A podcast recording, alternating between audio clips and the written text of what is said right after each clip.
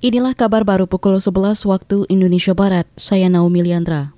Indonesia menawarkan beasiswa pendidikan kepada perempuan di Afghanistan. Menteri Luar Negeri Retno Marsudi mengatakan, tawaran itu merupakan bentuk dorongan Indonesia atas pemenuhan hak perempuan di Afghanistan. Kata dia, semenjak Taliban menguasai Afghanistan, hak-hak perempuan termasuk bidang pendidikan dibatasi. Teman-teman, untuk mendukung pendidikan bagi semua, Indonesia telah menawarkan beasiswa pendidikan, dan capacity building bagi rakyat Afghanistan termasuk kaum perempuannya. Menteri Luar Negeri Retno Marsudi menekankan Indonesia konsisten menyuarakan pemenuhan hak-hak perempuan.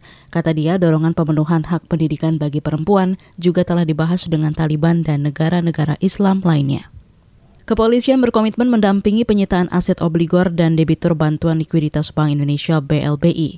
Menurut Kepala Badan Reserse Kriminal Polri Kabareskrim Agus Andrianto, bantuan dari polisi ini merupakan instruksi dari Kapolri. Selalu mendukung dan memperlancar seluruh kegiatan yang dilaksanakan serta dampak yang mungkin akan timbul serta pengamanan aset nanti pasca dilakukan penyitaan kita siap untuk melakukan kegiatan-kegiatan dalam rangka suksesnya tugas yang diberikan oleh Bapak Presiden dalam mengembalikan hak negara yang memang selama ini hampir 24 tahun.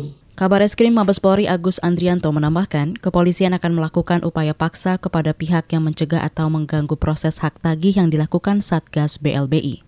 Saat ini Satgas BLBI telah menyita aset tanah seluas lebih 22 juta meter persegi dengan nilai 22 triliun rupiah lebih. Pesawat Susi Air kecelakaan dalam penerbangannya dari Timika ke Duma, Papua, Kamis pagi waktu Indonesia Timur.